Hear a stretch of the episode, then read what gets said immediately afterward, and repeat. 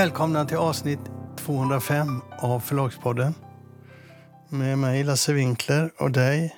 Kristoffer Lind. Just det. Då kör vi igång direkt. Ja.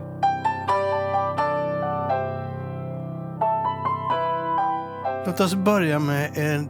Du fick ett eh, mess, tror jag det var. Jag blev kontaktad av en författare som hade varit på ett digitalt möte som Författarförbundet hade anordnat. Det var ett väldigt välbesökt möte och han berättade att författarna var otroligt stridslystna på det här mötet. Han sa att det var upprorstämning, liksom att det är många författare som verkligen på riktigt är allvarligt väldigt oroade och upprörda över utvecklingen och eh, man talar om strejk och man talar om att man ska införa ettårskarenser och så vidare.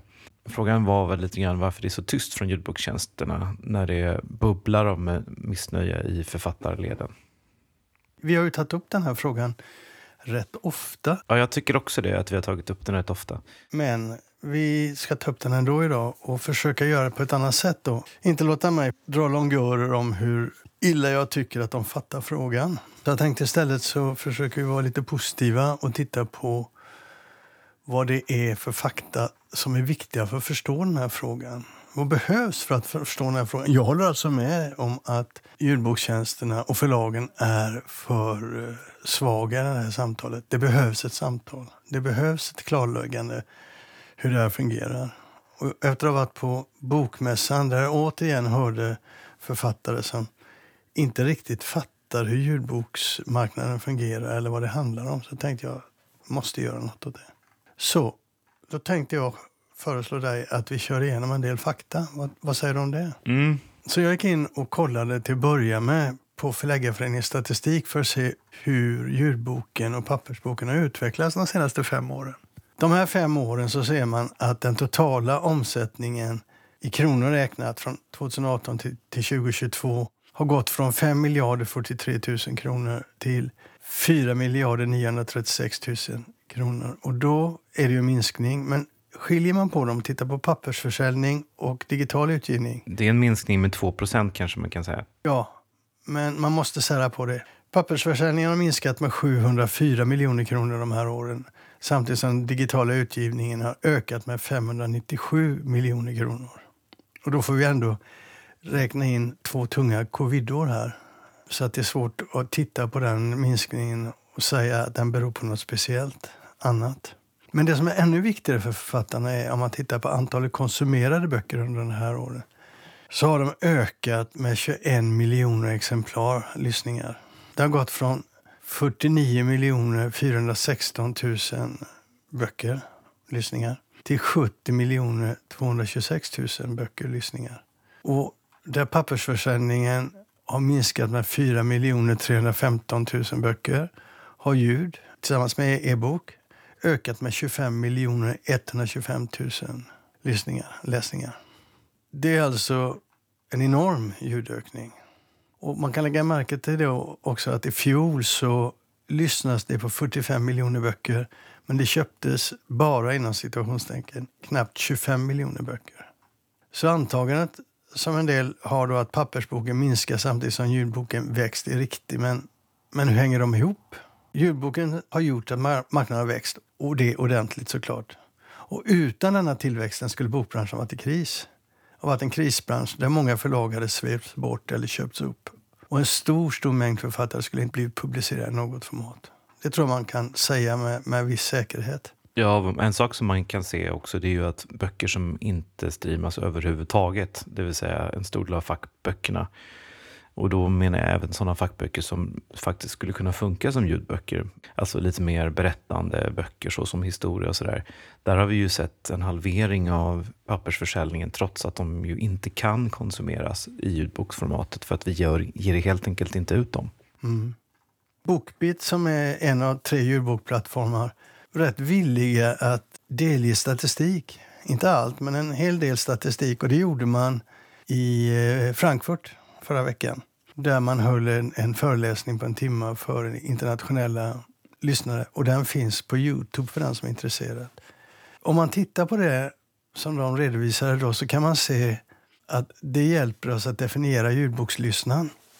Och enligt deras statistik då, och då får man säga att detta är Bookbeat, men Storytel och Nextory skiljer sig säkert, men inte så mycket. Där är deckare 49% av alla konsumerade böcker och romance utgör samtidigt 10 och till det ska man då lägga siffror för feelgood. Och det är ju tydligt det som du alltid brukar säga, att det är skönlitteratur som i huvudsak fungerar och framförallt då genrelitteratur. Men frågan är hur tydligt detta är för Författarförbundet och författarna.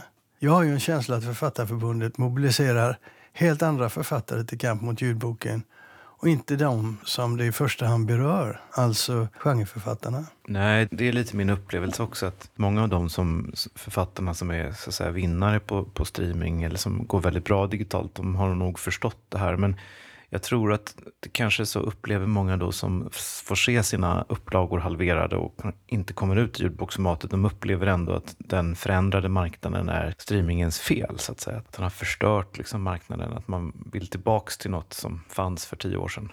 Men låt oss titta också på en del fakta som skiljer ut ljudboken ifrån pappersboken som gör att de kompletterar varandra. Att de har olika sätt till marknaden och på marknaden beter sig väldigt olika. 67 procent av alla lyssnade böcker är backlist, det vill säga äldre än 12 månader. Ljudboken är alltså i mycket högre grad än pappersboken backlistetung, alltså det är mycket, mycket backlist. Och det fungerar helt olika jämfört med pappersboken. I och med att det är så en knapptryckning bort så det är väldigt enkelt att aktivera backlisten. Och varje gång en författare ger ut en ny bok, och det här har du pratat om hur mycket som helst, så aktiveras backlisten direkt. Och det ser vi inte i pappersformatet. Där aktiveras backlisten på ett annat sätt. Absolut, men på vilket sätt menar du att det är ett exempel på att man utökar marknaden snarare än att man tar av den befintliga? Backlisten på papper fungerar ju helt annorlunda för den kräver fysiskt rum och den kräver ett möte. Det krävs mer för att köpa en backlistbok eller köpa att köpa en backlistbok i papper. Och det är inte säkert att den finns heller. Men när du i ljudboken varje gång en författare ger ut en ny bok och så slutar du den och så tänker du nu vill jag läsa fler av samma författare och då klickar du igång det där.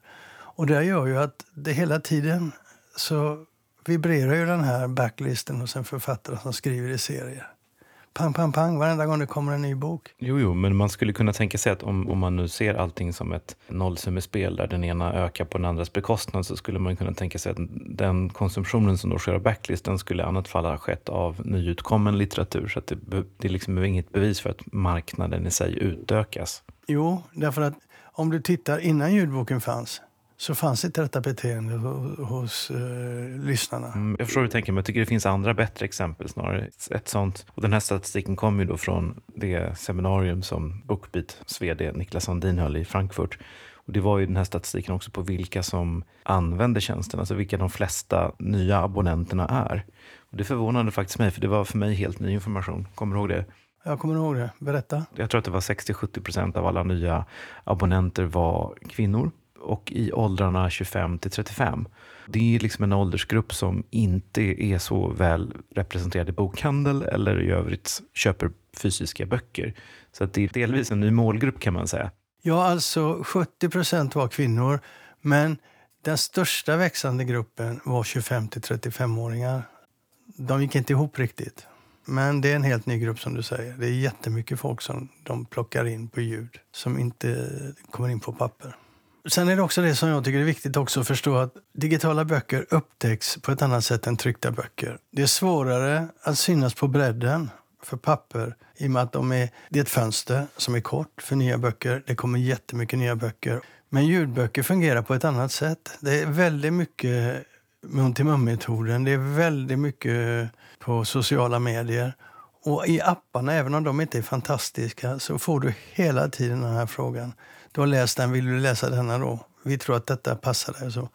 Och man kan tycka vad man vill om de rekommendationerna, hur trubbiga eller inte trubbiga de är.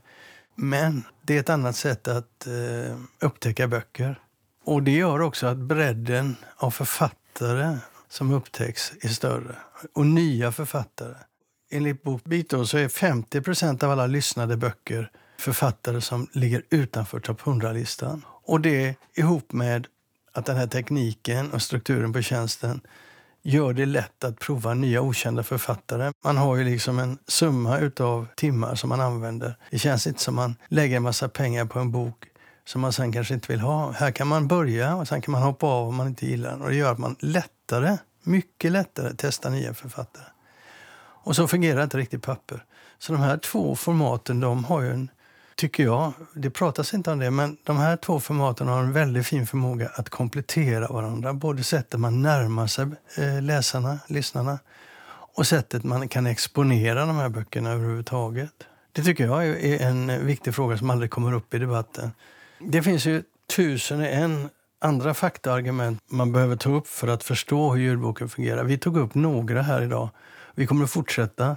Och frågan om ersättning till författare kommer vi behöva ta upp. Och frågan om vem och vad böcker konkurrerar med och vilken roll ljudboken spelar där måste vi också ta upp. För den är också konstigt nog frånvarande i alla diskussioner och debatter. Men den är en väldigt viktig del av det här samtalet. Och sen finns det en massa andra aspekter av det hela som vi borde ta upp. Ni som lyssnar, hör av er till oss och säg vad ni är, är nyfikna på när det gäller just ljudboken och förhållandet till pappersboken och hur marknaden fungerar. Så kanske det blir grejer vi tar upp senare också.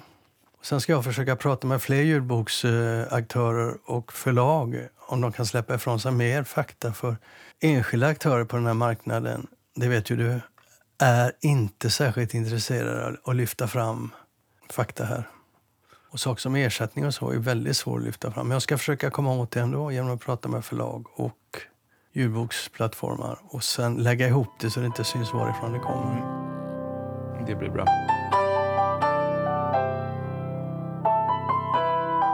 Nu ska vi prata Frankfurtmässan. Mm. Och då är det ändå så att det är jag som har ringt runt och pratat med folk och följt. Så att tyvärr får ni höra min röst lite mer. Men jag ska försöka vara korta där. Jag tänkte ju att jag släppte en Frankfurtmässa som ändå skulle bli rätt, eh, ja, inte tråkig men kanske inte så märkvärdig. Men tji fick ju jag. Det small ju rätt ordentligt. Och det small framför allt i Israel och Gaza. Och Hamas eh, brutala överfall och, och besinningslösa mördande där satte ju direkt sin prägel på bokmässan i Frankfurt. Därför att de skulle haft en prisutdelning. En palestinsk författarinna som skulle få pris för sin bok. Hon heter Adania Shibli och hennes bok En oansenlig detalj skulle hyllas. Boken finns inom parentes på svenska, utgiven på Tranan. Men det är en bok som utspelar sig i Negevöknen, eller Negevöknen kanske det heter, där en israelisk pluton är utskickad för att eh, säkra öknen, nya staten Israels räkning. Det här är 1949 tror jag. Boken utspelar sig på två plan, men i centrum är en våldtäkt av en ung beduinkvinna utförd av soldaterna i den här israeliska plutonen. Och det är ju, det förstår ju jag också, att det är ju att skicka in en krutdurk i den här situationen. I synnerhet med Tysklands historia så är det väldigt, väldigt svårt att agera här. Plötsligt så hamnar ju Frankfurtbokmässan i en väldigt obehaglig situation. Och så tog de beslutet då att eh, skjuta på den här prisutdelningen. Och det är ett beslut som från vår synpunkt ser konstigt ut och från omvärldens synpunkt ser konstigt ut. Men ifrån tyskt perspektiv tror jag är helt i linje med politiska strömningarna där. För jag menar, Tyskland är oerhört pro-israeliskt i sådana här lägen. Och direkt efter den här eh, inställda eh, prisutdelningen så gick också Jörgen Boss ut och sa att man nu kommer att eh, sätta fokus på Israel. Han sa så här, terror kan vi aldrig låta vinna. Och det är därför vi kommer ge utrymme för judiska och israeliska röster på bokmässan och skapa ytterligare eh, tid för deras, att deras röster ska höras på scenen. Och sen kom det inget mer från mässan. Men sen small det då utifrån. Ett eh, upprop med hundratals författare och intellektuella attackerade mässans beslut att ställa in hyllandet av den palestinska författarinnan och hennes bok. Och sen kom också då eh, flera utställare från arabvärlden och från Indonesien och Malaysia. Så hoppade av. Alla med hänsyn till eh, vad de tyckte var en ensidig ställningstagande till Israels förmån och att inte se den palestinska sidan av saken. Det första protesten med alla de här hundratals författarna det är en protest som går rakt in i mässans själ. Mässan har ju en enorm historia av solidaritet och kamp för det fria ordet och för att stödja förtryckta författare och bygga upp eh, bokindustrier i arabvärlden, i Asien och så vidare. Därför blev de nog förvånade när de fick den här attacken på sig från de här författarna. Jag tror de hade väntat sig de här avhoppen från arabiska eh, utställare. Men eh, dagen innan mässan startade så var Jürgen Boss, chefen då på bokmässan, tvungen att gå ut återigen. Och då säger han så här kort. Miljoner av oskyldiga människor i Israel och i Palestina har drabbats av detta fruktansvärda krig. Och vi vill understryka återigen att vår sympati går till dem alla på båda sidor. Det där once again, det var ju inte riktigt eh, vad folk hade uppfattat innan. Men det här lugnar inte ner situationen för sen kom ju den här invigningen. Ja, den ligger också på Youtube för den som vill titta på den. Där årets gästnation, Slovenien, hade bjudit in filosofen Slavoj Zizek att hålla en del av landets invigningsanförande. Och alla som känner till Zizek vet ju att då kan vad som helst hända. Och det gjorde det också. Ja, han blev så arg så han kunde knappt hålla i sina papper. Han gick loss totalt med fokus på konflikten i Israel. Han är ju sån. Han darrar ju alltid. Han tar alltid i högt. så. Men han fördömde Hamas eh, tydligt och gav en bakgrund till konflikten.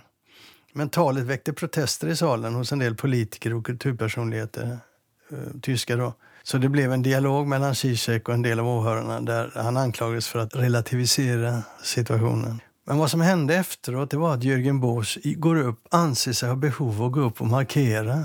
På ett fint sätt markera sitt missnöje med Zizeks innehåll, innehållet i hans tal. Men samtidigt som man pekar på vikten att det är bra att vi låter alla röster höras och att även de som är kritiska mot Zizeks tal fick höras. Och det här visar att vi tar yttrandefriheten på allvar.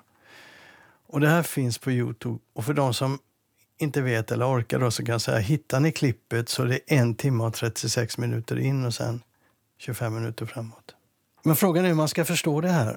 För, och då ska jag kanske säga också att den här politiska konflikten låg som en skugga över mässan. Men den kom inte att påverka det vardagliga. De flesta jag har pratat med och läst redovisningar är att det var en väldigt, väldigt bra mässa. Väldigt god stämning. Mycket folk, mer än förra året, då ju var första året efter covid. Och en väldigt positiv stämning på hela mässan. Så det var väl så, ungefär som i Göteborg då, kan man väl säga. Jag vill ändå bara kort säga några ord till om den här politiska konflikten. För den tror jag kommer att finnas kvar sen när vi går vidare. Här har mässan fått sig ett blått öga på sitt rykte och på sin historia. Och frågan är hur omvärlden kommer att reagera framöver. Jag vet inte, jag antar att man kan få tillbaka de arabiska utställarna. Det är inte helt säkert. Och man ska också förstå det, tror jag, när man lyssnar på vad de arabiska utställarna sa. Att de uppfattar att Frankfurtmässan är ett ställe där vi pratar och löser konflikter i samförstånd och där vi får uttrycka oss. Och då tänkte jag så här, men vad då då? Åk då till mässan och gör det. Varför ska ni stanna hemma? Men jag tror att många av de här organisationerna är styrda av politiker i hemlandet. Det finns inte så väldigt mycket utrymme för dem att åka till Frankfurt i det läget som blev. Vi vet nog inte riktigt vad som händer bakom kulisserna tror jag. Det händer nog väldigt mycket där. Så det ska bli intressant att följa upp. Men jag tror att detta kan skada mässans anseende på sikt. Det är ju en spekulation från min sida. Ja, jag tror inte det. Det dyker alltid upp någonting som blir väldigt hett på mässan. Vi hade ju högernationalisterna för några år sedan som du gjorde också ett inslag i en intervju med Jörgen Boss kring. Så att jag tror nog att det, det ligger lite i korten också att oavsett vad mässan gör så gör de ju i någon mening fel. Även om det var märkligt att de kanske agerade lite väl. Sen har det hänt också saker under mässans gång. Den här bombningen av sjukhuset kom väl efter det första beslutet om att inte dela ut det där priset och så vidare. Ja, det finns otroligt mycket som kan hända här framöver. Men vad jag menar med detta är ju att ingen ifrågasätter ju stödet till Israel. Men de flesta noterar oviljan att prata om konfliktens andra offer, alltså civilbefolkningen i Gaza. Mässan borde inte överhuvudtaget ha en officiell hållning här kan man ju tycka. Det har de ju inte heller. De har ju den hållningen att man stöder förtryckta människor och man för det fria ordet. Men det här blev i alla fall, hur du än tänker på det, så blev det fel. Det tror jag nog man kan konstatera. Ja, kort bara. Den stora frågan annars, förutom agenterna och förlagen som letade nya titlar. Det blev ingen stor titel i år, märkte du det? Det var inget snack om någon titel. Jag märkte inte det eftersom jag inte var där. Nej, men man ser följer på andra medier när de skriver och citerar eh, förläggare och och agenter så fanns det ingen stor titel i år. Och Det förvånar väldigt många. Man hade väntat sig det. Mycket om Ukraina såklart fortfarande. Inget om eh, Israel och, och eh, Palestina, eller Gaza, eh, kriget där. Såklart. Och ingenting om bakgrunden. Inte ännu, men det kommer ju komma. I övrigt inga andra trender som jag kunde uppfatta av någon större betydelse. AI som sagt var den stora frågan på alla seminarier. Mina frågor, de som jag drog upp i början förra gången, det var det inget snack. Det får jag återkomma till om jag kan få fram mer information. Så ska jag prata om de grejerna.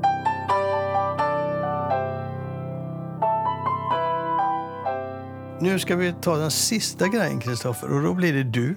Jag har gjort en intervju med Per, per Gedin som eh, är kanske Sveriges mest kända, kanske Sveriges främsta förläggare under 1900-talet som har ju varit med om ganska många och stora saker som har hänt i den svenska bokbranschen och som har varit med under väldigt lång tid. Mm. Det är en, väldigt intressant intervju som alla, alla kan lyssna på som de, om de vill. Och den är uppdelad i två delar, så att det kommer en del nu och en del nästa vecka. Per är alltså 95 år och när du kommer hem från intervjun med honom så var du lite osäker så du frågade mig vad jag tyckte. Och jag, och jag kom tillbaka och sa det är bara ett problem med den här intervjun.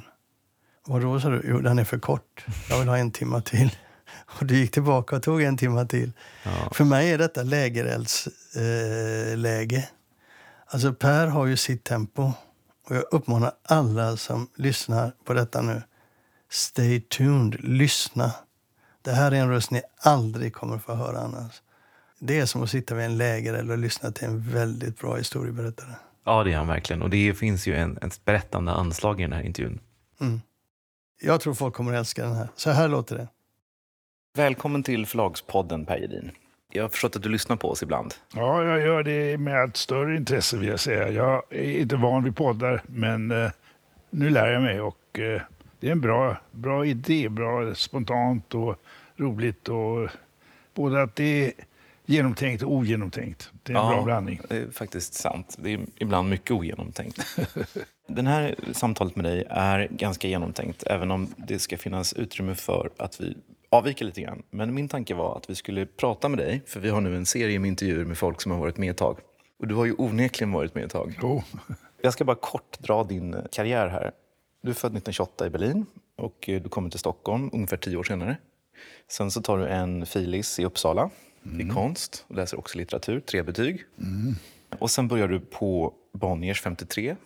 Och 57 så tar du initiativ till Aldus, den första moderna pocketutgivningen. Och där, det är det som gör att du blir den svenska pocketbokens fader. Och sen så startar du Delfinböckerna och du blir delägare i och driver Wahlström och Widström under åren 61 till 87. Du tar initiativ till grundandet av Månadens bok och sen är det Månpocket. Du tar också initiativ till Augustpriset och du driver Gedins förlag. Och de senaste åren så har du skrivit ett antal biografier. ja. Är det, har jag glömt ja. någonting viktigt? ja, jag tror inte det. Om vi, om vi, Pocketshoppen. Pocket Shoppen. Ja. Ja, Just det, Pocket Shop, ja precis. Du var delägare i Pocket Shop. ja, just det. Du föds ju i Berlin 1928. Och jag håller nu på att titta på de här, den här tv-serien Babylon Berlin. Har du sett den? Ja, ja. Och det är ju lite samma tid. Fast jag var ju liten, liten. då. Men eh, det är klart att atmosfären fanns och det, framför allt, jag, jag var ju fem år när nazisterna tog över och eh, det präglade ju min tidiga barndom kan man lugnt säga. Du minns det? Oh, ja, jag minns det väldigt väl. Man blev tidigt vuxen helt enkelt. Jag var tio år när jag reste därifrån, eller flydde därifrån. Innan dess så eh, gick ju skola där och eh, såg nazisterna på gatorna. Och en otäck sak var att Der Stürmer, deras otroligt obehagliga tidning, eh, den fanns i anslagstavlor. Och jag nådde precis upp och läste det där och såg judar med jättestora näsor och ja, vedervärdig antisemitisk propaganda som säkert påverkade tyskarna åt mer det nazistiska hållet skulle jag säga. Du har också, utöver den typen av propaganda, du också minnen av vardagsantisemitism. Oh ja, visst. Jag gick ju i en sionistisk skola dessutom. Min pappa var socialist och vänstersocialist och eh, sionist. Så att eh, min judiska identitet var väldigt tydlig kan man säga. Just det, för annars var de flesta judar i Berlin var väl väldigt assimilerade. Var inte, många hade inte ens en judisk identitet. Ja, så var det kanske, men eh, det där är så komplicerat för att eh, min pappa brukar tala om judar och döpta judar. Det är ingen skillnad så att Nej. säga. Identiteten försvinner inte med en skopa vatten. Du beskriver din barndom som otroligt lycklig på något vis. Ja. Och, och, I ditt barndomshem så möter du författare som eh, Josef Roth, Erich Kästner, Thomas Mann. Det är ju inga dåliga namn. Nej. Pappa var ju, fast han tvingades att bli affärsman och han inte hade råd att gå på universitetet. Men han var ju en intellektuell och umgicks i intellektuella kretsar och drog in min mamma i det där också. Så att eh, det var en sån självklar sak det här ja. med författare hemma. Det... Familjen Mann lärde du ju känna sen ganska väl som jag förstår det. Ja, framförallt Klaus Mann. Vi blev faktiskt vänner. En otroligt sympatisk, bra person. Och han var ju äldre och sådär, men man kände sig att vi är jämnåriga. Och han var i Uppsala och hälsade på. Och vi åt faktiskt, jag och mina föräldrar, middag med honom kvällen innan han tog livet av sig. Och han var på samma goda humör. Gåta naturligtvis, men... Eh, han hade väl några självmordsförsök bakom sig? Ja, då? han hade ju det. Och han hade bekymmer med narkotika och kanske tog han en överdos, vad vet jag. Men det var han tyvärr. Det kom en bok på Bonnier för några år sedan om familjen Bonnier som jag minns att du inte gillade. Eh, du tyckte den var skvallrig? Nej, det finns, jag ska säga nästan en förtalskampanj mot familjen Mann. Det är något otroligt obehagligt och trist att människor får inte vara i fred. Så att säga. De får inte vara framgångsrika i fred. utan Det kommer alltid ett stadium då, ju mer framgångsrik man är, desto större blir då fallet ner. Då ska de alltså avslöjas och så vidare. Och den var fylld av, jag kände ju inte bara familjen Mann utan eh, entouraget kring dem, framförallt mm. Fritz Landshoff som var en framstående förläggare som vi kände väl, även, även jag, fast jag bara var pojke hemma. Men mycket sympatisk man.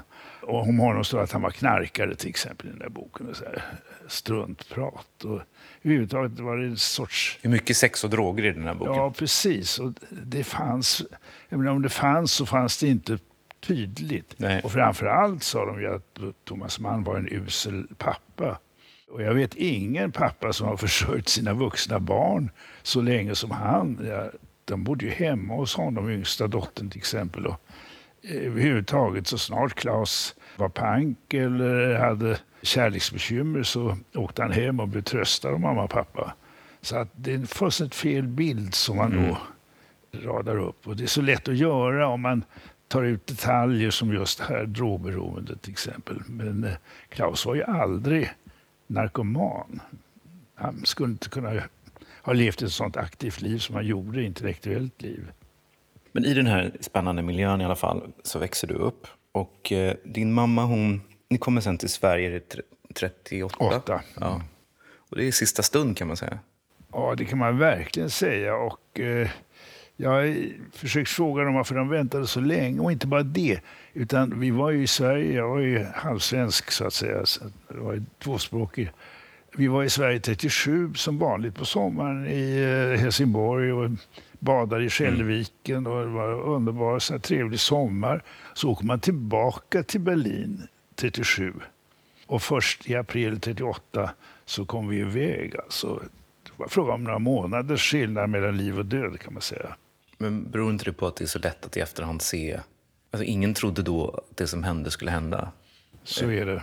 Så är det. det och det var, betyder ju döden för så många. Mm.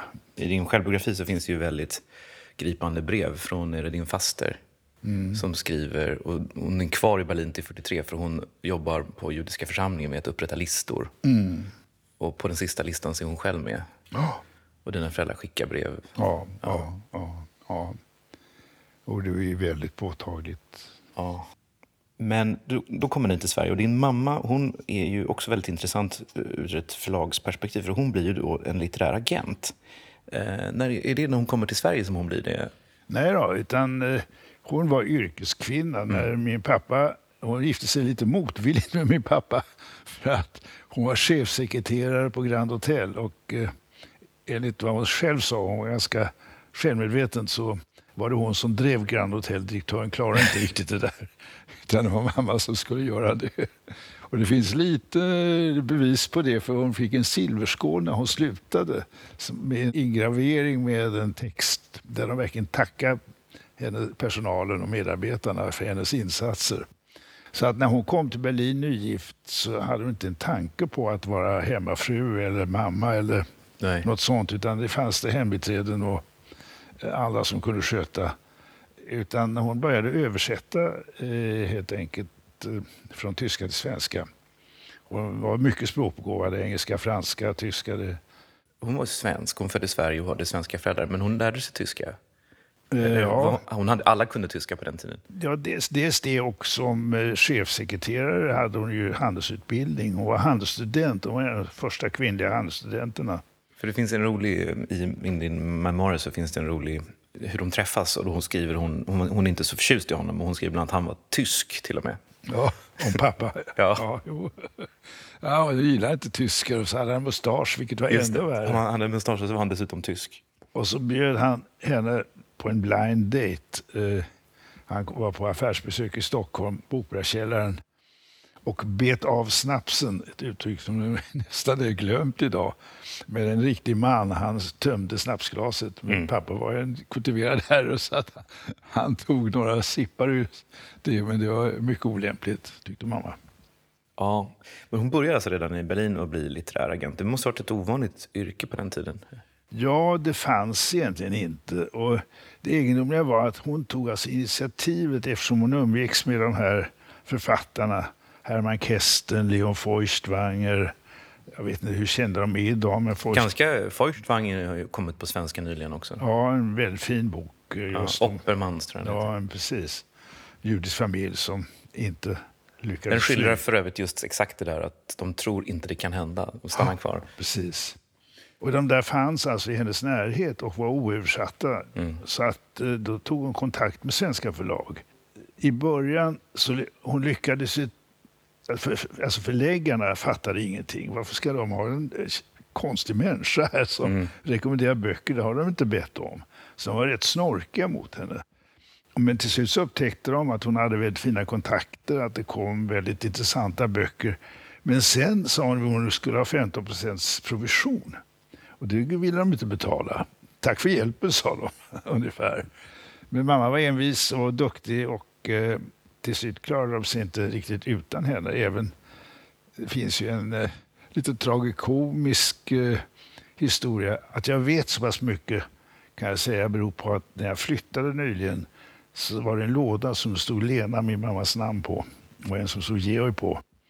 Och mina söner, Andreas tog lådan med Andreas och kommer ut med en bok om pappa. Den kommer precis i dagarna, eh, Lycklig den som glömmer heter den och det är en mycket signifikant titel kan man säga. David, som är litteraturvetare, han tog eh, lådan som Lena på och håller på med en bok om henne och inte så mycket personlig men om de litterära agenterna överhuvudtaget. Därför vet jag att, eftersom jag har pratat med honom, han har gått igenom materialet och tittat på det, att agentverksamheten fanns egentligen inte. Den kom ju från England från början, mm. men inte i Tyskland och inte i Sverige heller. Nej.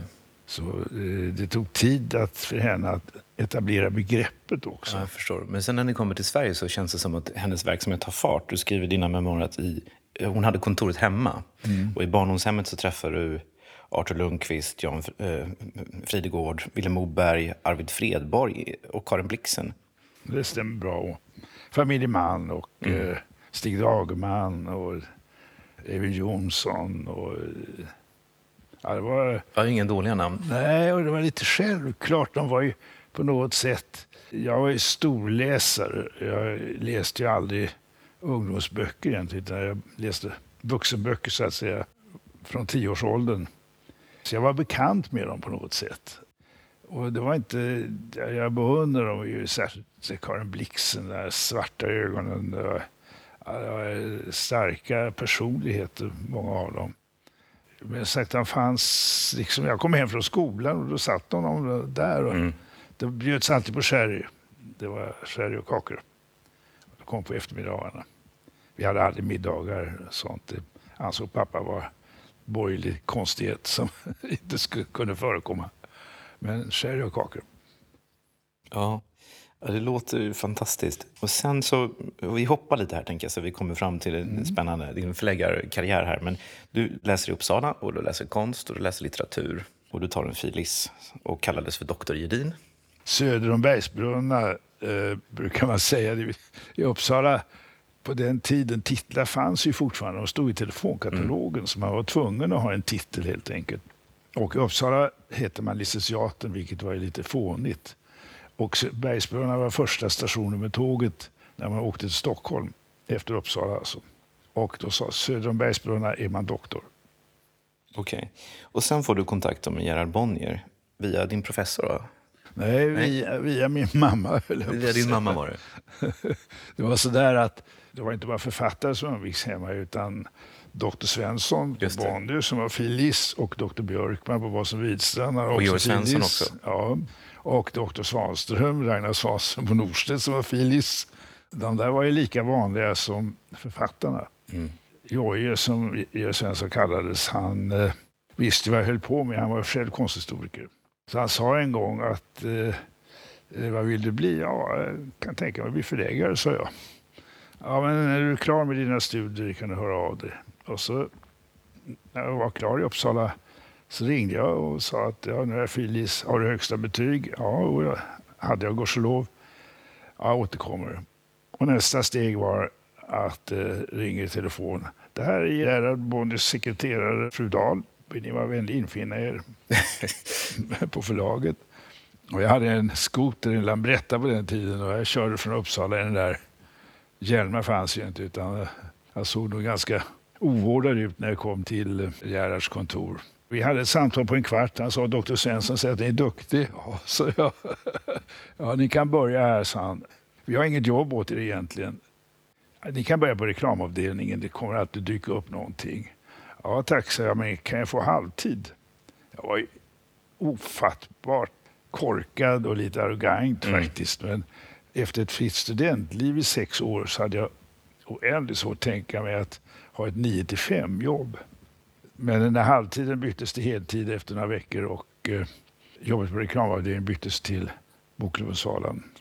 Men det, det här Bonnier som du kommer till, du skriver i boken, att, i memoarer, att det var, du förstod först senare att de hade det ganska tufft efter kriget.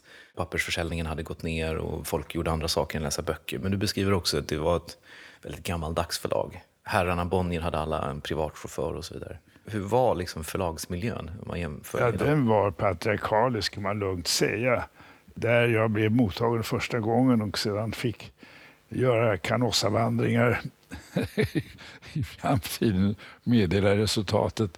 I början då Boklundsvalans resultat, medlemsvärvning, det hade gått så vidare, nästan dagligen blev jag nerkallad till herr Gerhard och de hette nämligen herr Gerhard och herr Kai och herr Tor och herr Åke. De satt i en rad, inte Åke för han var i en Åkerlund på andra sidan gatan.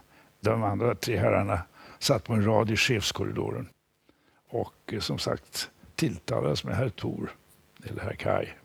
Dessutom var det så att tryckeriets föreståndare, disponenten Brolin, han var son till disponenten Brolin som hade varit föregående chef för tryckeriet.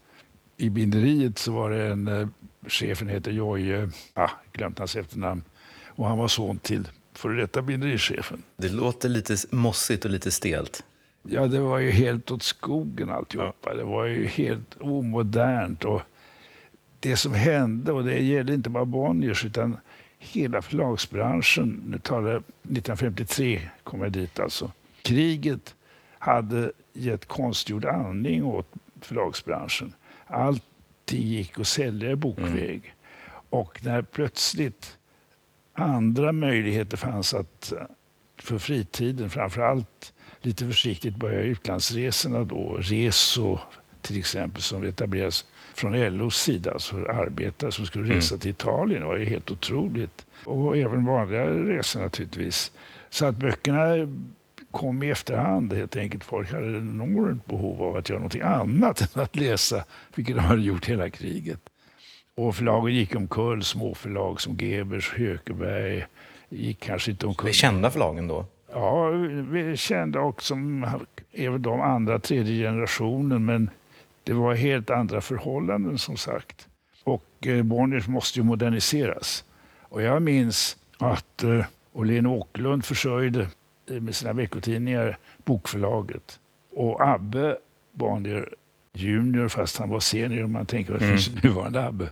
Han hade sagt till Gerhard att eh, jag tycker vi delar på oss och du kan få förlaget för en krona. Så var det Åhlén Åkerlund. Och Gerhard, som kunde vara väldigt kraftfull när det gällde, sa aldrig i livet vi måste hålla ihop. Tio år senare försörjde Bonniers Åhlén Åkerlund. Koncernen, som det hette då, behövde flera ben att stå på. Men under den tiden, och det var ju då jag var i huset, eh, jag försökte ta mig därifrån så fort jag kunde, för jag gillade inte den här hierarkiska atmosfären med direktörer och sånt. Jag var ju en fri student fortfarande. Men eh, det var turbulent och det kom nya direktörer. Det var som svängdörrar kan man säga. Förläggeri var så pass gammaldags fortfarande så att det gick inte att komma från Handelshögskolan och tro att man var förläggare. Dessutom, att det kan man inte ens göra idag. Nej. Men det görs ju. Så att det var, det var en enorm röra. Men det gav utrymme för också initiativ. Mm. Och det var ju så att efter sex veckor på Bonniers så blev jag chef för bokklubben Svalan, vilket ju inte är riktigt klokt. Nej, det, idag hade nog inte det gått. jag är 25 år och eh, hade egentligen inga som helst kunskaper, framför allt inte om bokklubbar och överhuvudtaget förläggeri, samtidigt som jag var uppvuxen i det. Och jag fick ju chefskapet eh, med, med eh, biföljande hälsning att eh, den gick så dåligt så det kunde, kunde inte gå sämre. Nej, I och för sig en bra förutsättning för... Ja, det var det. det, var det. Men Bokklubbens Svalan, för de som inte vet, så är det en speciell bokklubb. Är det inte så att man ringer upp folk? Och... Jo, alltså det var ju helt åt skogen. Och jag, vad jag gjorde var, eftersom jag var ändå akademiker så gick jag, jag bodde kvar i Uppsala, så gick upp på Carolina universitetsbiblioteket och sa till en bibliotekarie, som på den tiden var de filosofidoktorer bakom disken, kan ni ge mig allt om bokklubbar? Mm. Då fick jag en liten hög med böcker där jag framförallt lärde mig ordet negative option och Book of the Month Club, vilket ju jag sen försökte förverkliga även i Sverige. Men på den tiden då så upptäckte jag ju att Svalan var ingen bokklubb, utan det var en bokserie. Just det. Dessutom var den så illa konstruerad så att man anmälde sig som medlem i januari och kunde välja mellan 12 och 6 böcker. Det kom en ny bok varje månad. Och i december så var det slut. Då hade Svalan inte en enda medlem. Utan då gjorde man en enorm kampanj. Så började om liksom. Och värvade både gamla och nya medlemmar på nytt. Och det där ändrade jag ju då genast på genom att göra det löpande så att man inte behövde gå ut ur bokklubben så att säga. Utan man kunde komma in när som helst och så ha böcker 12 år framåt. Men jag lyckades inte eh, förverkliga negativ option då. Det var helt Nej. otänkbart. Vi hade alltså, det är en lång historia eh, som inte är större mening med att berätta här, men vi hade en, en liten telefonförsäljningsavdelning som visade sig sköttes av absolut genial man. Och han var inte anställd, men jag anställde honom som försäljningschef och fick sparka min föregående försäljningschef, vilket inte var roligt för en 25-åring att sparka en 35-åring. Eh, men han var så otroligt okunnig. Men den här nya killen, Lars Berglund, han, man kan nog säga att han byggde upp en av de första telefonförsäljningsorganisationerna i Sverige. Det gjorde han genom att anställa hemmafruar. Hemmafruar var på den tiden eh, hovrättsrådinnor som de hette, eller överstinnor. Hovrättsrådinnor. Hela Östermalms eh, begåvningsreserv, sådana kvinnor som idag är generaldirektörer, satt hemma och framförallt just i början hemma hade ingenting för sig. De hade hembiträden, kokerska till och med. Och eh, han lyckades då engagera en kader av dessa otroligt begåvade kvinnor. Och de i sin tur ringde upp till likadana kvinnor som satt hemma. Det var inte så då att de blev irriterade när vi uppringde. De sa tvärtom, åh vad trevligt att ni ringer. Och så började de prata och skvallra om hem och barn. Och ofta eh, så värvades de som nya telefonförsäljare. Och det i sin tur gjorde att deras döttrar blev i någon grad telefonförsäljare också. Jag var med på en jubileum där det var två eller tre generationer telefonförsäljare. Så att det var en helt annan... Eh, det var ett samförstånd kan man säga. Mm. Ur kommersiell synpunkt så var det kolossalt lyckat.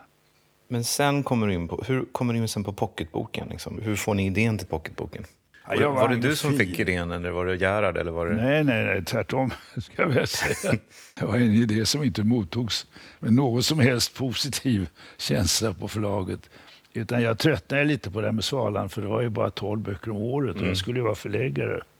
Och jag var ju anglofil redan på grund av kriget naturligtvis.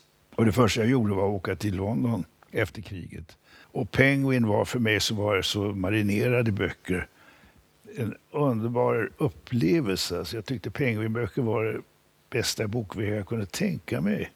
Och jag lärde mig redan då att man skulle ge ut böcker i serier. Så att det fanns ju Penguin för skönlitteratur och Pelikan för non-fiction och Puffin för barnböcker och Penguin Classics. Och ja, det hela kombinationen av kultiverad innehåll och förstklassig typografi och ändå enkelt utförande och lågt pris. Jag tycker det var oemotståndligt. Så jag gick till Gerhard och sa jag vill eh, göra det där. Och det fanns en mycket kraftfull kvinna, alltså Greta Helm, som var försäljningschef. Jag blev skickad till henne också. Båda sa det var det dummaste de har hört. Så, eh, pocketböcker i Sverige, det finns inget underlag.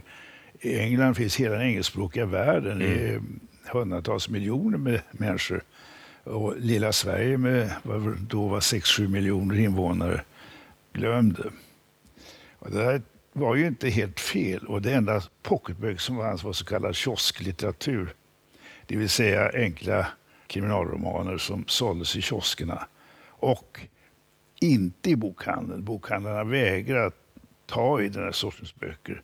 Utan de skickades ut liksom veckotidningar egentligen och eh, fanns där i några veckor och så kom det en ny ny sån här eh, Manhattan. Eller... Var det särskilda förlag som gav ut de där kioskböckerna? Eller ja, var, det, var det Bonnier också? Liksom, eller var ja, det... B. Wahlström var de som var mm. stora på det med Manhattan. Men Bonnier skulle ju naturligtvis alltid hänga med. Eh, då startade de någonting som heter Zebraböckerna. Som var halvryckat och eh, halvbra kan man säga. Men kioskböcker. Så det fick jag ju i ansiktet att 20 000 exemplar och i tidningskiosker, det kan du inte med dina ambitioner. Då ge ut Evin Jonsson och Albert Camus och sånt. Men det gick? Ja, alltså jag började med... Jag fick till slut tillstånd att ge ut tre stycken. Jag hade just listor. Jag ville börja med 20 böcker för att det fanns ju inte i Sverige. Att jag äntligen fick igenom det berodde på att jag åkte till Amerika. Och där hade en ung förläggare som hette Jason Epstein just lanserat Quality Paperbacks. Så det var alldeles nytt även i Amerika, där de vanliga böckerna var kioskböcker också, mm. vanliga pocketböckerna som heter just pocketbooks. Och eh, det hade blivit en stor framgång. Och då gick jag tillbaka och sa, men se här, här är de mest kvalificerade böcker jag köpte genom italiensk renässans. Så det här kan inte gått ut till 20 000 ex. Och de kostade alltså, jag minns den här boken kostade 1,25 dollar medan en pocketbok kostade 35 cents. Alltså man kan lägga sig lite över de här kioskböckerna. Det priset ska man inte ha. Men det ska vara ett lågt pris. Men man kan alltså ha en eh, begränsad upplaga. För jag kan inte tänka mig att en bok om italiensk renässans ens i Amerika går ut i 20-30 000 exemplar. Ja, efter mycket tjat så fick jag alltså göra det. Men jag skickades också runt i bokhandeln som sa det var det dummaste de har hört. Vad ska vi med det här till? sa säljer inte så billiga böcker, det lönar sig inte.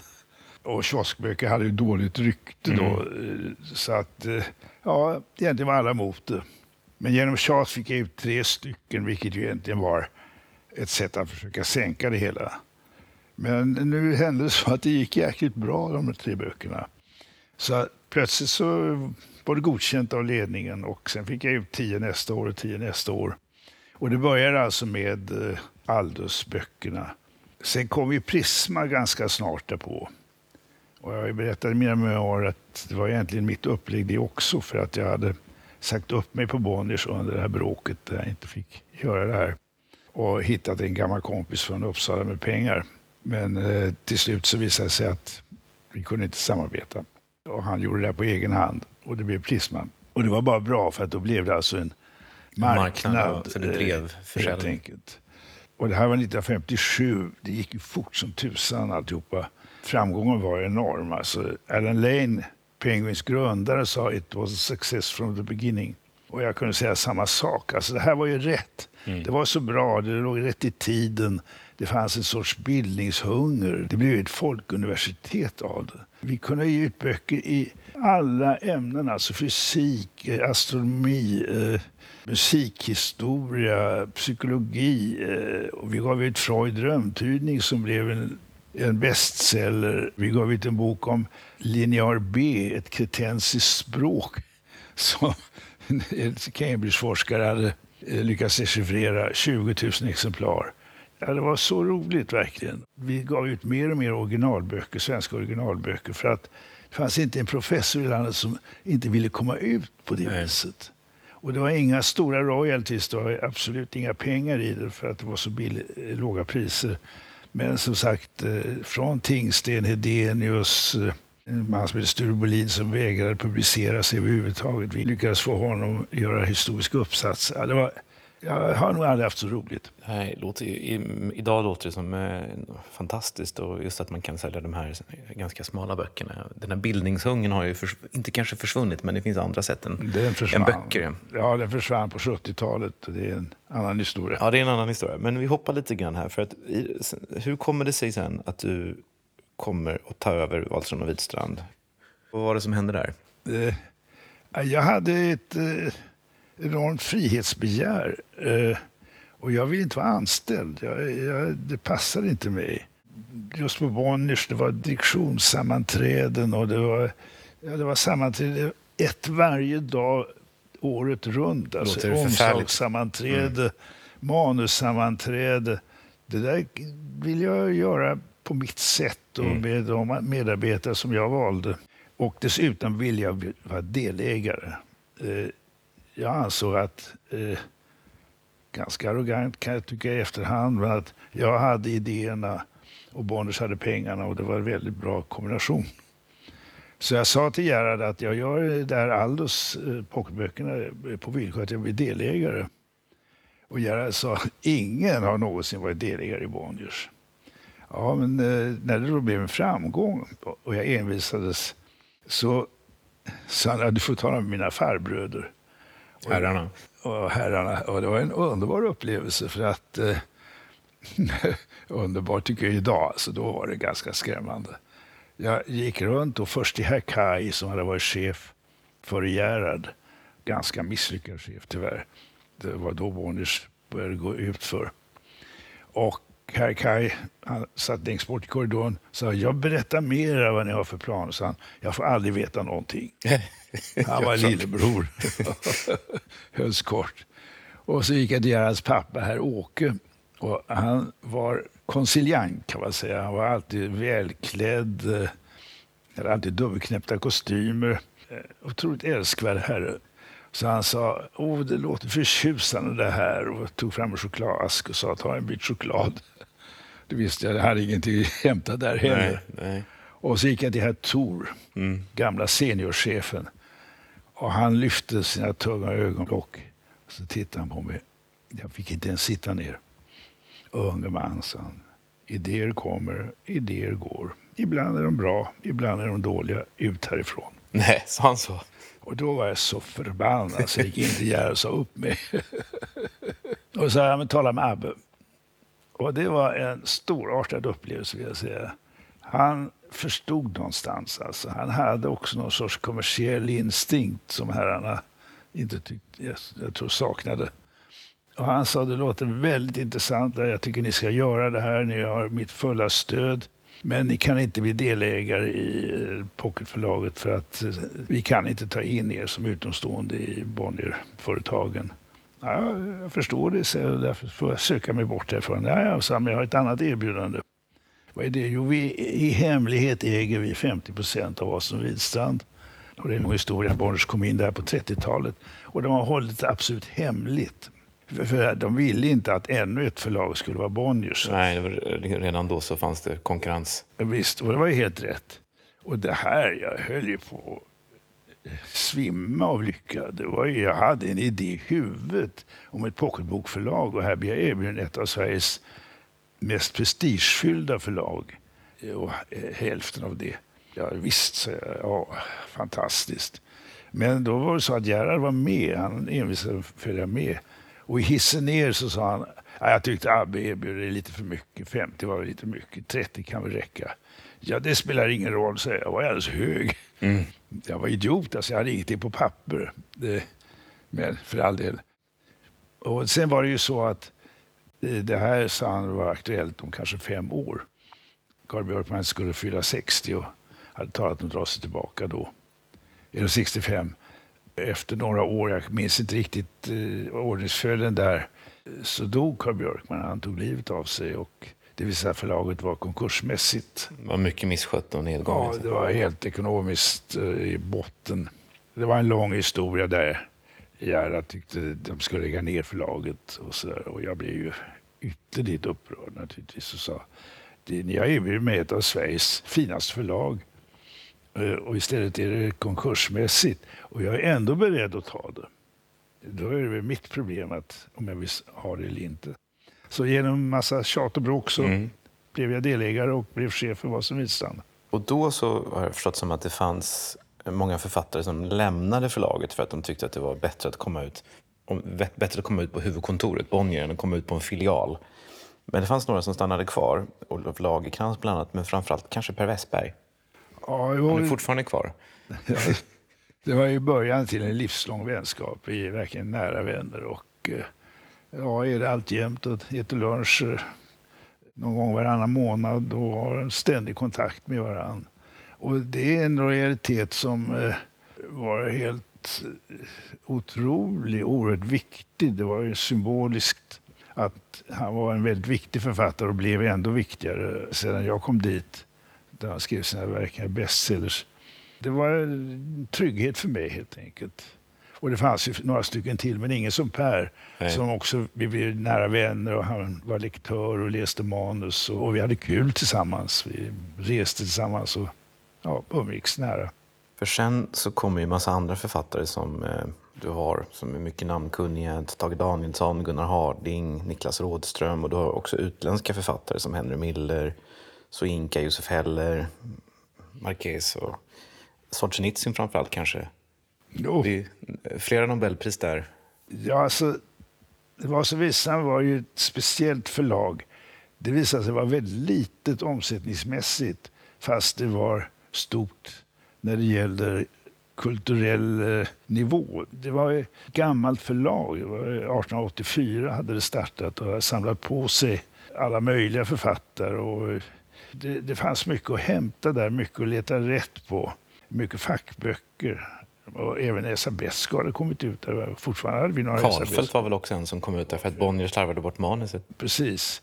Det gällde att bygga upp det på nytt kan man säga. Även om det fanns då den här backlisten.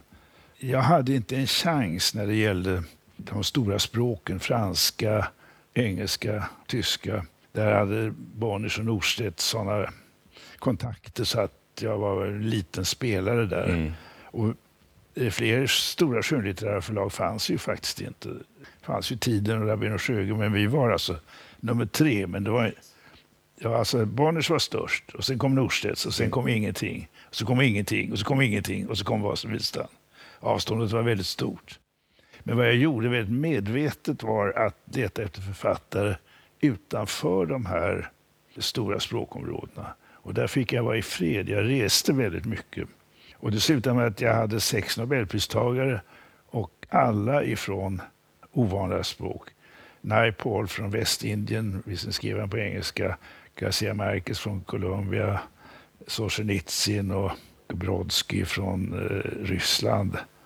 Eh, Boris Soyinka från Afrika. Mm. Det, det, var fantastiskt. Det fanns ju så mycket och leta rätt på faktiskt. Du hade också en, en ganska bra lista med poeter, svenska poeter. Jo, där gjorde vi en grej som eh, visade sig vara framgångsrik. Jag tänkte, hur får man tag på unga svenska författare? Det var ju samma sak där. Det var Bonniers som mm. lockade, mm. inte Norstedt så mycket, men Bonniers, på något sätt hederspriset kom ut där. Jag tänkte, jag kan inte annonsera efter, efter författare, det går inte för sig. Men då kom jag på att göra en litterär antologi. Och där annonserade vi. Så att, eh, vi kallade den för Grupp 65, det första året. Så hade jag en jury med P.O. Enquist och, och Per Westberg och eh, det var någon mer, ja, kända unga författarna. Vi satte in stora annonser i tidningarna så att ni är välkomna med manus. De får vara hur excentriska som helst. Vi har inga som helst begränsningar. Prosa, eh, teckningar, vad som helst. Och det kommer underbara manus. Alltså, det var ju unga blivande författare hade varit med om att de var eftersökta, så att Nej. säga. Och det hade, den, den här gruppantologin kom ut eh, i 35 år, tror jag. Och jag vill säga att huvuddelen av våra författare, Katarina Frostesson, Ulf Lundell, eh, Gunnar Harding, eh, Niklas Rådström. Bruno Köijer kanske också? Bruno Öijer. Alla kom den vägen alltså. Så att, det var en fröjd. Och det hela blev någon sorts helhet. En höstfest som vi hade som, där de alltid var bjudna och eh, lyckliga och blev väldigt berusade, många av dem, i första kontakten med kulturlivet. Eh, så att eh, vi byggde upp en fin svensk utgivning, tycker jag själv. Men du ägde 30 procent i Wallström Widstrand och Bonnier ägde 70. Ja, 33 till Du hade 33, ja. Men det påminner ändå mig om, om min relation till Storytel. Jag äger 30 procent och de äger 70 procent. Ja. Och jag tycker ju att det är mitt förlag och de tycker kanske att det är deras förlag. Och det känns lite som att du har en sån relation till Gerhard ibland. Att ni har, eh, exempelvis så, eh, du beskriver att han stjäl dina författare, ni slutar ha styrelsemöten när ni talar om vad ni ska ge ut. Och sen också tänka på det här med pocketbråket som ni har. Jag vill säga att jag fick av ABBA i present 7 procent. Så att jag ägde 40 eh, ganska snart. Och det var lagom. Det var lika bra att det inte blev 50 för det hade nog varit kollisionsrisk allt för ofta i det. Men det blev lite grann så att Bonniers blev mina främsta konkurrenter. Mm. Jag förstår inte själv varför. Jag menar, de var ju gigantiska jämfört med oss. Men ändå så jag hade många nya idéer och sådär. Gammalt förlag har väl kanske inte så många nya idéer kan jag tänka mig. Så att de sneglade på det och våra styrsammanträden blev någon sorts eh, industrispionage tyckte jag till slut. Men då löste jag det genom att vi bjöd på lunch. De satt alltså i styrelsen. När det var styrelsesammanträde så inskränkte jag det till en timme. Och då hann vi inte mycket mer än formalia. Och så var lunchen serverad. Och där, därmed fick vi vara i fred kan man säga. Men det där att ni var konkurrenter, är inte det något blev inte det lite grann en tanke sen att Bonnier, för Bonnier hade ju också Forum och så Wahlström och Vitstrand. Förlagen var ju fram till dess att de slogs ihop allihopa i en organisation så var de ju, hade olika adresser, olika egna marknadsavdelningar och alla hade en, en utgivning som var både fackböcker och skönlitteratur. Fanns det en tanke om att man skulle konkurrera? Nej, Nej. det var snarare tvärtom. Alltså, Forum skapades för att man ville göra en klassikerutgivning Forumbiblioteket. Och det var mer att genom Adam Helm som var en eh, mycket uppfinningsrik och dynamisk förläggare så blev det lite annat. Men han var väldigt försiktig med att trampa Bonniers på tårna. Utan det var, de hade delat upp sina revir. Eh, han hade inga du, svenska... Du klampade på? Jag klampade på allting. Men Forum hade inga svenska författare överhuvudtaget till exempel. Nej, det kom väl egentligen först många författare under Karin Lejons tid. Det var hon som satsade på svensk tror jag. På 90-talet och tog in mycket Läckberg. Ja, då var det ju helt mm. Eh, annorlunda. Men då var det samtidigt en del av Bonniers på ett helt annat ja, sätt. Men fortfarande en egen adress, eget kontor, ja. egen marknadsavdelning. Ja, ja det, det, har ju ändrat sig, men på den tiden eh, så var det inte så. Utan... VV idag, vad tänker du om det? Ja, jag är lite sorgsen. Det är jag. Vi gav ut mellan 100 och 120 böcker om året och eh, var 20-tal anställda och eh, hade, förlaget gick väldigt bra. Mm. Det ökade från, på den tiden, 3 miljoner till 44 miljoner.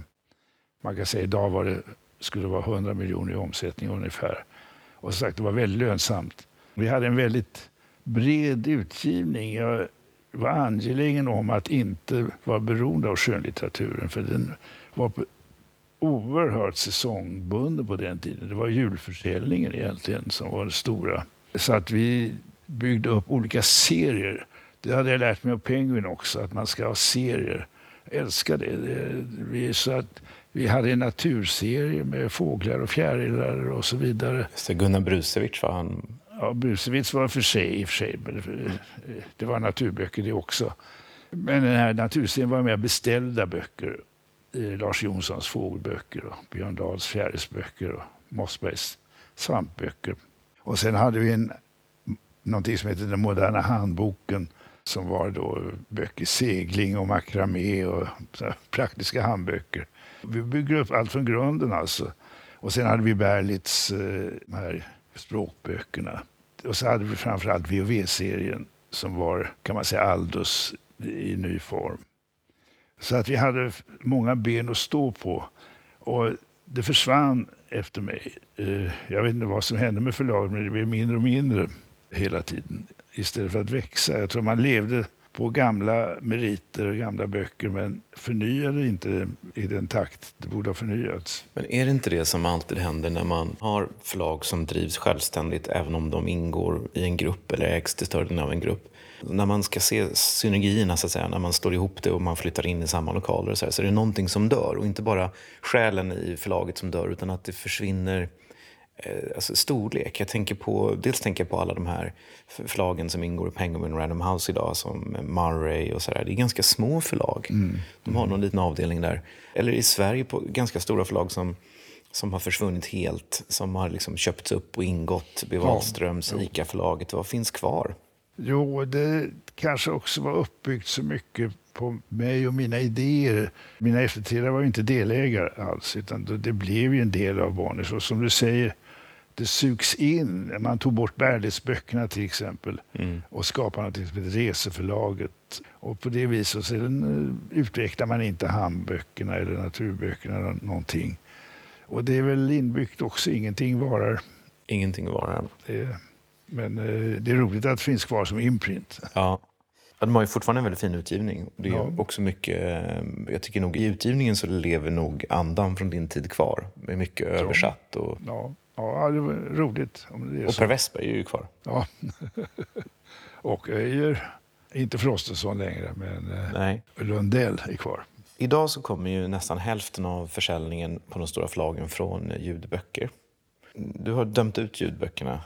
Har du ändrat dig? Nej, jag har verkligen sett hur Sverige som inte är lagomlandet utan det extremaste landet i Europa nästan på alla områden. Och när vi hade bokklubbar, vi hade flest medlemmar per capita i hela Europa i våra bokklubbar till mm. exempel. Mm. Det behöver inte vara på det viset tycker jag. Det kunde vara lite lugnare. Men i och med att den tendensen fortfarande finns så tror jag att ljudböckerna kommer också sjunka ner så till hälften av vad det är idag. Och sånt där. Det kommer vara en del av bokmarknaden men inte alls med den dominansen. Det tror inte jag. Men jag vill säga att förlagsvärlden är så förändrad sedan min tid. Eh, sedan min tid från 1950 till 1987, 97 med Gedins förlag var resterna av en 200-årig förlagsvärld. Det som har hänt efter det är en helt ny värld. Vi var individualister allihopa. Det fanns alltså ett icke-kommersiellt drag i förlagsvärlden som jag inte tycker riktigt jag kan se idag. Utan idag gäller det att tjäna pengar helt enkelt. Vilket inte innebär att man kan ge ut olönsamma böcker som diktsamlingar. Men det är en annan attityd. Jag tänkte på det. Jag läste Norstedts eh, väldigt roliga 200-årsjubileumsbok. Mm. Där står det bland annat att Lasse Bergström berättade att han var på middag i New York och då talade de om en bok av en okänd författare som heter Mario Puzo som skulle ge ut en bok som heter The Godfather. Ja, det där tyckte jag var kul, säger Lasse då vid middagen. Ingen hade hört talas om det, utan han köpte manuskriptet innan han kommit ut överhuvudtaget. Det är ju inte möjligt idag. Vi odlade personliga bekantskaper med förlagen och förläggarna. Jag gjorde så att jag valde ut ett halvt dussin amerikanska förlag till exempel som hade samma utgivning som jag. Det fanns ingen anledning att besöka 20 förlag alltså, utan det var de där förlagen som hade intressanta böcker. Och de besökte jag, jag blev god vän med, med förläggarna eller, eller eh, editors som var förläggare där. Och likadant i, i London och i någon mån i Paris. Min franska är ingen bra, så att var mindre där. Eh, och det var alltså, utspelades på ett personligt plan mellan förläggarna. Idag, agenterna har gjort en enorm skillnad. Mm. Även där är Sverige världsmästare i antal agenter. Det är ju mycket bra för författarna tycker jag, men det är inte bra för relationer mellan förläggare och författare. Det, det, ja, det har blivit annorlunda och så är det ju naturligtvis. Och det är en ny värld där jag egentligen har svårt att ha någon åsikt riktigt. Mm. Men en annan sån här skillnad är ju att det översatta har fått en mindre betydelse. Det översatta var ju viktigt för dig, dels som inspirationskälla, du berättar de här internationella kontakterna, men också författare som blev väldigt viktiga för förlaget rent ekonomiskt. Mm. Idag är det ju väldigt svårt med det översatta. Tänker du kring att det har blivit så? Ja, vilket är oerhört obegripligt. För jag menar, man kan inte leva ett litet land som Sverige det kan inte riktigt försörja den intellektuella och kulturella behovet, tycker jag. Ja, det, är, det är inte riktigt klokt egentligen. Nej, det är inte riktigt klokt. Men eh, jag vet inte. Kultur har ju fått en otroligt minskad betydelse. Även där ligger Sverige, ska jag säga, europeisk mästare i att göra sig av med kultur. Det, det är ju det här bråket i Norrköping till exempel som pågår nu. Ja. Det skulle inte förekomma ens i de andra nordiska länderna. Aldrig i livet. I din bok Litteraturen i verkligheten som har blivit en sån här klassiker så har du något resonemang som handlar om att den kris som eh, bokbranschen gick in på 60 eller 70-talet, jag minns nu inte exakt när, jag tror det var 70-talet kanske. 70, 70-talet. Ja, men då har du ett resonemang som går ut på att krisen kom av att den bildade borgerligheten hade försvunnit. Ja. Är vi inne i liksom andra vågen av den där att det är ännu, ännu, ännu en våg. Ännu, ännu värre kris. Nu, nu skjuter man den kvarvarande resten. Ja, kanske är det så. Jag ser med häpnad hur man försöker återupprätta klassamhället. Egendomligt nog, sista halvåret, eller året, så talas plötsligt om arbetarklass igen. Det är ju bara nys. Det finns ingen arbetarklass i Sverige. Jag skriver i den där boken eh, om massamhället eller tjänstesamhället och det var redan på 70-talet. Därmed kan man inte förankra en viss sorts litteratur i en viss del av samhället. Alltså, det går inte längre. Och det var ett väldigt stöd för oss med den här kultiverade borgerligheten. Eh, jag brukar berätta Sandbergs bokhandel som var Östermalmsbornas mm. eh, hovbokhandel kan man säga. Där skickade de ut varje månad en påseendesändning av böcker till sina kunder. Helt enkelt eh, ja, nya Moberg, nya Gösta Gustav Jansson, nya Iria Brevallius, och Dagmar Edqvist, allt vad de hette. Böckerna kom aldrig tillbaka. Man visste alltså det här skulle man ha, mm. ligga på salongsbordet. Framför allt var det ju den här kulturrevolutionen svenska på 70-talet. Hatade borgerlighet, hatade målningar i guldram. Och, ja, den var förödande faktiskt. Det, det 70-talet, jag ser tillbaka, så är det alltså det sämsta decenniet svensk historia, modern historia i alla fall. Är det så illa? Ja, våra pocketböcker, VHS-serien försvann. Alla kvalitetsbokserierna försvann. Det gick inte att sälja längre. Tio år tidigare kunde man alltså sälja tiotusentals exemplar av böcker. Och du tror ja. att det var mer en effekt av en förändrad attityd än eh, grundläggande strukturella förändringar, eller hör det ihop?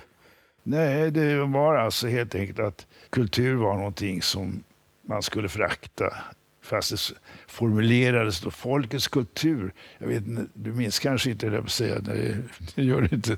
Men eh, det skulle ju vara arbetarråd, Dramaten, där var ju vaktmästaren var ju med och eh, tillsatte pjäsurvalet till exempel. Det var inte klokt det hela. Jag menar, universiteten blev ju förändrade. Jag läste häromdagen, en professor skrev just där förr i tiden så var det svårt att få en professur. Men sen efter 70-talet så finns det hur många professurer som helst. Alltså. Man har bara sänkt ribban hela tiden. Och det är igen, det läses nog mycket mera genomgående eftersom vi inte har detta klassamhälle utan man läser överallt. Man läser alltså böcker av enklare slag. Det här svenska deckarbundret är ju, det är ju fråga om underhållning och inte om litteratur. Kan vara både och kanske? Det finns naturligtvis eh, bra deckare men... Eh, Jag tänker på bildning och underhållning, att det måste inte vara en motsättning mellan... Nej, det gör det väl inte, men det beror ju på vad böckernas, vad, vad böckerna syftar till.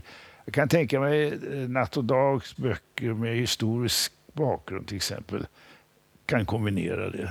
Jag är inte, är inte så insatt i, i annars alla de här deckarna, men jag har läst några och några har ju kan man säga bildning i sig, mm. men det är ju ändå inte någon djupare bildning. Det är ju mer ja, säga, populärbildning.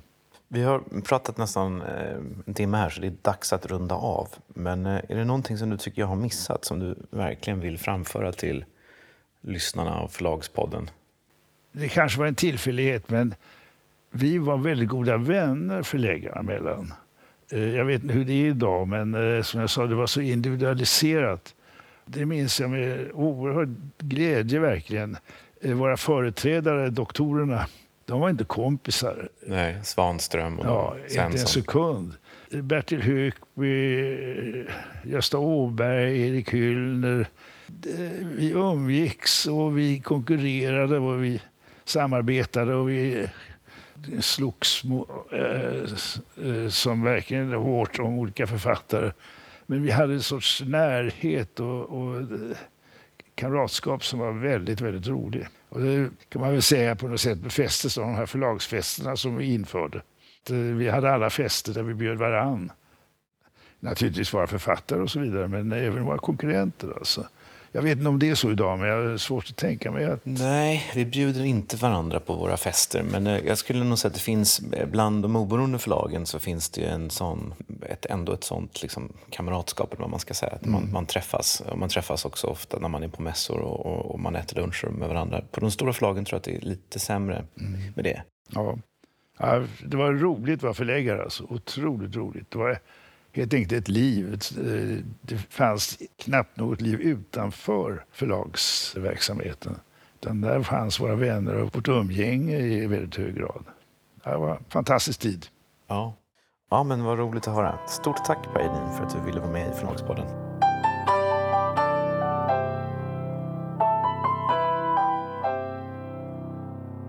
Det var allt för det här avsnittet. Välkomna nästa vecka. Då kommer ännu ett avsnitt av Förlagspodden. Hej då! Hej då!